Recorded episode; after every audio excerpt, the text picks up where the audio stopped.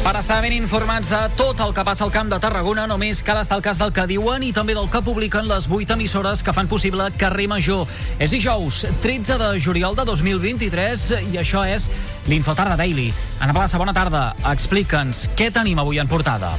Bona tarda, Eduard. Doncs avui comencem eh, destacant que el Departament d'Acció Climàtica descarta executar les obres per garantir el rec d'emergència als avellaners de les comarques del Baix Camí al Tarraonès. El motiu és que la Generalitat veu inviable construir en tan poc temps, abans que s'acabi l'estiu, la canonada de 8 quilòmetres que ha d'arribar fins a la depuradora de Reus per poder reaprofitar aquesta aigua regenerada. El govern català ho ha notificat avui als pagesos de la zona. El responsable d'Aigua d'Unió de Pagesos del Baix Camp, en Josep Ferrer, ha manifestat que això suposa una condemna per al sector. I ahir doncs se'ns va dir que, que no hi havia ni una cosa ni l'altra, no?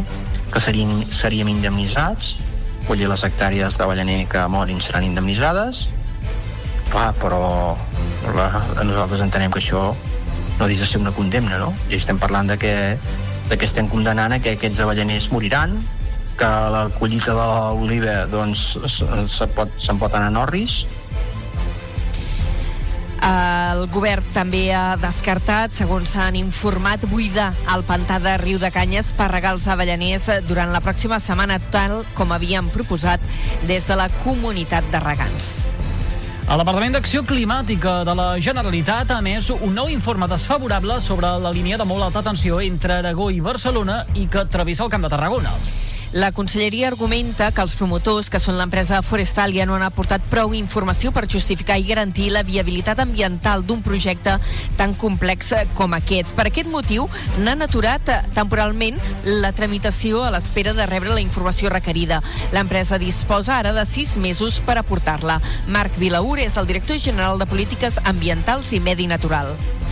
Bé, aquest projecte en aquests moments no es pot executar. Aturat ho està en aquests moments, eh, perquè eh, en aquests moments no es pot eh, eh, demanar la llicència d'obres perquè eh, no té eh, l'informe favorable la biodiversitat i per tant no es compleix la velocitat d'impacte ambiental. La Generalitat va emetre un primer informe desfavorable el 2021 per falta d'informació. L'any passat va emetre el segon i ara el tercer. Es continua considerant que la documentació aportada per la promotora és deficitària i inconcreta. I el Ministeri de Transport, Mobilitat i Agenda Urbana ha aprovat el projecte de construcció d'un carril per bicis i vianants a la Nacional 340, a Tarragona. El projecte s'ha aprovat de manera inicial i ara s'ha sotmès a informació pública perquè es puguin presentar al·legacions si es considera necessari. Es contempla un carril bici a la zona de Llevant per connectar Tarragona amb Altafulla i un altre a Ponent, per sobre del riu Francolí. El projecte també inclou la col·locació de pantalles acústiques a l'autovia A7. Aquestes actuacions també inclouen el futur traspàs d'aquests trams de carretera afectats, de la Nacional 340 i la 340 antiga, a l'Ajuntament de Tarragona, que és qui se n'haurà de fer càrrec de la conservació i manteniment. I l'estudi forense conclou que el cos sense vida que es va trobar dimarts a la platja de Roda de Barà seria el d'una nena d'uns 6 mesos. N'ha informat la Guàrdia Civil després que s'hagi practicat l'estudi forense al cadàver. Diverses mostres s'han remès al Servei de Criminalística eh, per al seu estudi científic. Inicialment s'havia apuntat que el nadó podia ser un nen una mica més gran, d'entre 2 i 4 anys, però ara s'ha confirmat que seria una nena molt més petita, d'uns 6 mesos. Els fets, recordem-ho, van passar dimarts al matí quan un treballador de la brigada de neteja eh, de les platges del terme de Roda de Barà eh, va donar l'avís de la troballa d'aquest petit cos. I encara en clau de successos, a Tarragona hi es va trobar restes òssies al fons del mar, prop del passeig de l'Escollera. I en aquest cas l'alerta la van donar dues persones que estaven bussejant al parc subaquàtic. Van veure dos ossos, els van agafar i els van treure de l'aigua. Les primeres comprovacions per part de la policia portuària i de Prevent Port van determinar que podria tractar-se d'una tíbia i d'un peroner humans. Tot i així, la Guàrdia Civil encara no ho ha confirmat a l'espera de poder analitzar aquests ossos i descartar eh, que puguin ser d'origen animal. Carrer Major, la proximitat del Camp de Tarragona. L'Ajuntament de Tarragona inicia les obres per recuperar i obrir al públic el Fortí de Sant Jordi. Uns treballs que tenen un pressupost de 200.000 euros i s'esperen que puguin estar acabats en dos mesos i mig, cap a la Festa Major de Santa Tecla. El regidor de Patrimoni de Tarragona, Nacho García, ha detallat que volen convertir aquesta antiga fortificació vuitcentista en un espai de lleure i també per a actes de petit format. Penseu que el que es pot fer aquí són eh, espectacles culturals, que això ho permet la comissió, però de molt petit format, per les seves dimensions i perquè només té una única eh, sortida, com podeu veure, molt petita, per tant, podem fer actuacions culturals de molt petit format. Sí que estem treballant amb el Departament de Cultura i amb la consellera Ramos doncs, per generar una mínima activitat cultural estable el fortí de Sant Jordi, que està situat a la punta del Miracle, és una de les fortificacions que es van fer per protegir la costa durant la Guerra de Successió. I el grau en Medicina continua liderant el rànquing de les notes de tall més altes de la Universitat Rovira i Virgili. I no només a la URB, de fet és un dels cinc graus amb la nota més alta al conjunt del sistema universitari català. El segueix el doble grau en bioquímica i biologia molecular i en biotecnologia i el grau en enginyeria matemàtica i física que se situen pel sobre dels 12 punts. Més de 5.100 alumnes han escollit la URB en primera preferència i 4.400 han estat assignats al centre pel curs vinent. Això representa un increment del 5,4% respecte al curs passat.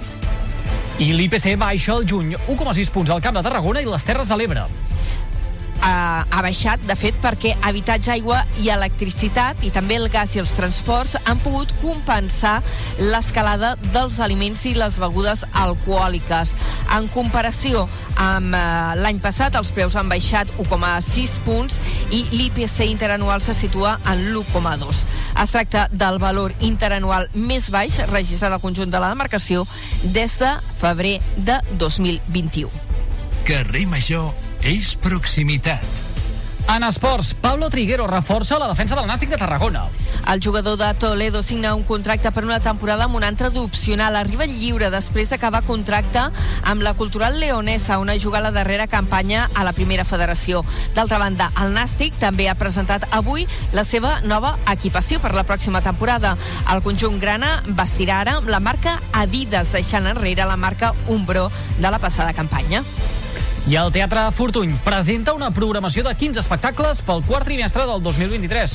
Hi ha noms destacats del teatre, com les noves produccions eh, dels dramaturgs Sergi Balbel o Jordi Galceran, també l última obra de Dagoll de Gom, L'alegria que passa, basada en el clàssic de Santiago Rossinyol, i en música destaquen els concerts de Paco Ibáñez, Blaumut, Santiago Aucerón o Rodrigo Cuevas. Carrer Major, fent camp de Tarragona. Va, que dit tot això hem de conèixer quin temps ens espera de cara a les properes hores i connectem amb el Servei Meteorològic de la xarxa de comunicació local. Lluís Vi Pérez, hola, molt bona tarda. Una situació sobretot xafogosa la que estem tenint a hores d'ara. Més que temperatura desbocada, el que puja molt és la humitat i, per tant, sensació de calor ben evident. Hi ha molts valors que a hores d'ara es mouen entre els 27 i 31 graus, però humitats que no baixen del 60-70%. Al llarg d'aquesta tarda, on pujarà més el mercuri serà cap a la terra ferma, arribarem als 34, 35 graus de màxima i també farà força calor a l'Empordà, a la plana empordaresa, sobretot a l'Alt Empordà, amb vent del nord que encara arribarà força rescalfat. Ja diem amb humitat, amb xafogó i amb alguns núvols dispersos a gran part de la costa, prelitoral i també aquesta tarda a les comarques de Girona, especialment a l'interior.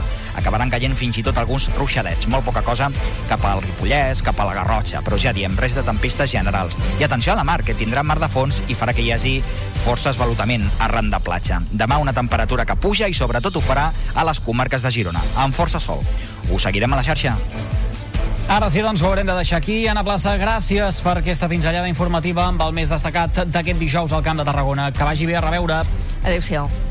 I tots vostès poden recuperar l'info Tarda Daily d'aquest dijous 13 de juliol de 2023 mitjançant les xarxes socials i també els respectius serveis de ràdio a la carta a les 8 emissores que cada tarda passegen plegades pel carrer Major. Gràcies per seguir-nos.